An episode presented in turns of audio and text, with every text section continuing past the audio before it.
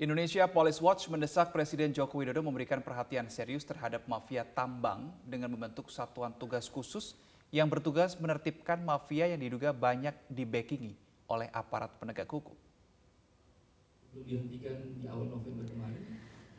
Hal ini disampaikan oleh Ketua Indonesia Police Watch Sugeng Teguh Santoso yang menyebut pembentukan Satgasus diperlukan dan bisa dikomandoi oleh Menko Polhukam. Sugeng mengatakan praktik mafia tambang menggunakan modus hostile takeover yang berujung pengambilan paksa saham perusahaan dengan harga murah. Sementara praktisi pertambangan, Helmut Herman menyebutkan Polri harus fokus melakukan pencegahan penegakan hukum secara adil dan transparan, sehingga tidak ada lagi yang menuding jika Polri berpihak kepada yang sedang berperkara. Ya. Pak Presiden memberi perhatian ya dengan membentuk Satgas Mafia Tambang. Di mana ketuanya itu bisa Pak Menko Polhukam. Karena memang yang membidang ini. Ini sangat-sangat mencoreng institusi aparat penegak hukum tercinta kita, itu ya. Polri Pak. Kami harap ini bisa menjadi atensi beliau dan dapat diselesaikan eh, dan menjadi apa ya Pak, eh, menjadi acuan agar hal ini tidak terjadi lagi. Kepala Staf Angkatan Darat Jenderal TNI Dudung Abdurrahman meresmikan Museum Jayakarta di Markas Komando Jaya Kramat Jati, Jakarta Timur. Sejumlah mantan Pangdam Jaya, salah satunya Letjen Purna Sutioso turut hadir dalam peresmian tersebut.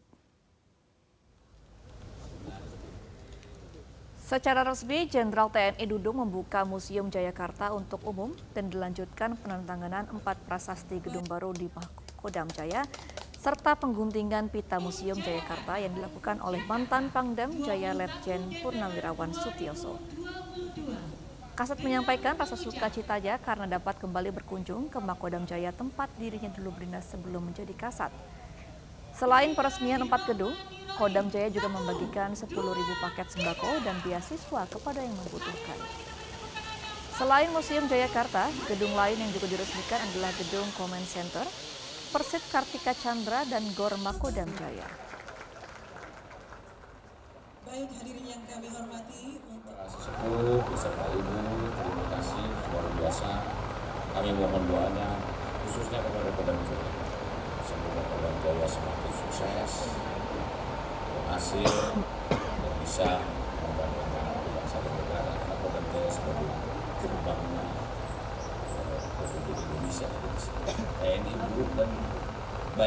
Sini. Calon pengguna jasa pelayaran di Pelabuhan Merak, Cilegon, Banten hingga Rabu malam masih tampak ramai dan memadati area dermaga eksekutif Pelabuhan Merak. Sejak Rabu siang, pemirsa, ada 19.502 orang dan 4.217 kendaraan telah diseberangkan dari Pelabuhan Merak ke Pulau Sumatera.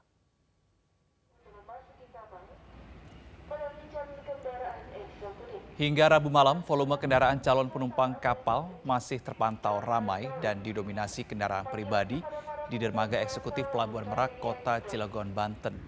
Meski tidak sampai membludak pemirsa, namun kepadatan ini diprediksi akan terus terjadi hingga akhir pekan nanti. Hal ini disebabkan tingginya animo masyarakat pengguna jasa pelayaran yang hendak menyeberang ke Pulau Sumatera. Data PT ASDP sejak Rabu siang hingga Kamis dini hari mencatat ada total 19.502 orang dan 4.217 unit kendaraan berbagai jenis yang telah menyeberang dari Pelabuhan Merak ke Pulau Sumatera. Sementara hingga saat ini pengelola pelabuhan masih mengoperasikan 31 kapal dengan total 57 perjalanan untuk melayani masyarakat pada musim libur Nataru. Kita beralih ke informasi lain, ahli psikolog forensik Reni Kusumo Wardani mengungkap kepribadian terdakwa Ferdi Sambo saat menjadi saksi dalam persidangan kasus pembunuhan berencana Brigadir Yosua di Pengadilan Negeri Jakarta Selatan. Reni menyebutkan Sambo punya emosi yang tidak terkontrol dan tidak dapat berpikir panjang saat melakukan suatu tindakan. Psikolog forensik Reni Kusumo Wardani dihadirkan jaksa penuntut umum sebagai saksi ahli saat menyampaikan hasil penilaiannya terhadap terdakwa Ferdi Sambo, Reni menyatakan Sambo punya emosi yang tidak terkontrol saat kehormatannya terganggu. Reni juga menyebut Sambo sebagai pribadi yang kurang percaya diri saat mengambil keputusan besar sehingga membutuhkan dukungan orang lain. Ia menambahkan meski Sambo memiliki kecerdasan di atas rata-rata namun bukan berarti Terdakwa tidak melanggar dan menggunakan kecerdasannya jika terjebak dalam situasi yang mendesak. Sambo juga disebut sosok yang dapat menutupi kekurangan dan masalahnya. Itu ada upaya-upaya rasional untuk mengendalikan diri. Tapi di dalam situasi ada hal-hal yang memang mengganggu uh, kondisi emosinya dan self esteemnya. Nah ini yang kemudian bisa menjadi orang yang sangat dikuasai emosi. Sangat dikuasai emosi. Tadi Iya. saya juga tertarik dengan ibu mengatakan ada kebutuhan tinggi untuk dukungan dari orang lain, Betul. terutama untuk mengambil keputusan-keputusan besar, Yang penting uh, besar. besar atau uh, beresiko atau penting. Mhm. Apakah ini juga bisa internally dalam dirinya Iya. itu bisa terefleksikan dari bekerja sama dengan orang-orang yang dia percayai? Betul Pak. Betul Bapak bisa Jasa. Bisa, ya seperti itu artinya bentuknya. dia membutuhkan dukungan dan masukan dari orang-orang sekitarnya yang dia percaya untuk melakukan suatu keputusan besar Yang besar, Nah, iya. bisa ya seperti Bisa itu seperti itu. baik Prihatin dengan penyandang disabilitas, ada seorang perempuan pengusaha ini rela mengajar di sekolah luar biasa terkait dengan keterampilan menjahit tas dan juga dompet. Tidak hanya memberikan bekal keterampilan agar penyandang disabilitas mampu berdaya dan bersaing dalam dunia usaha, namun juga membantu memasarkan produknya. Titik Winarti, pemilik Tiara Handicraft asal Jalan Sido Sermo, Indah Wonocolo, Surabaya ini secara rutin mendatangi SLB Kerabat Mulia di Desa Siman, Kecamatan Kepung, Kabupaten Kediri untuk mengajari 72 siswa SMP SMA proses produksi tas dan juga dompet. Selain itu, siswa SD Kerabat Mulia pun diajari menggambar untuk dijadikan hiasan pada tas dan dompet. Melalui program Seacraft di SLB Kerabat Mulia, Titik mengajarkan proses produksi mulai dari desain hingga menjahit serta melukis. Pemilik Yayasan Bina Karya Tiara ini mengaku rela mengajari penyandang difabel karena prihatin dengan keterbatasan dan peluang kerja mereka. Titip menginginkan pengenalan dunia usaha sejak dini pada penyandang difabel melalui sekolah-sekolah. Ibu lima putra ini berharap alumni SLB tidak canggung lagi saat terjun di dunia usaha dengan keterang, dengan memiliki keterampilan dan kemampuan.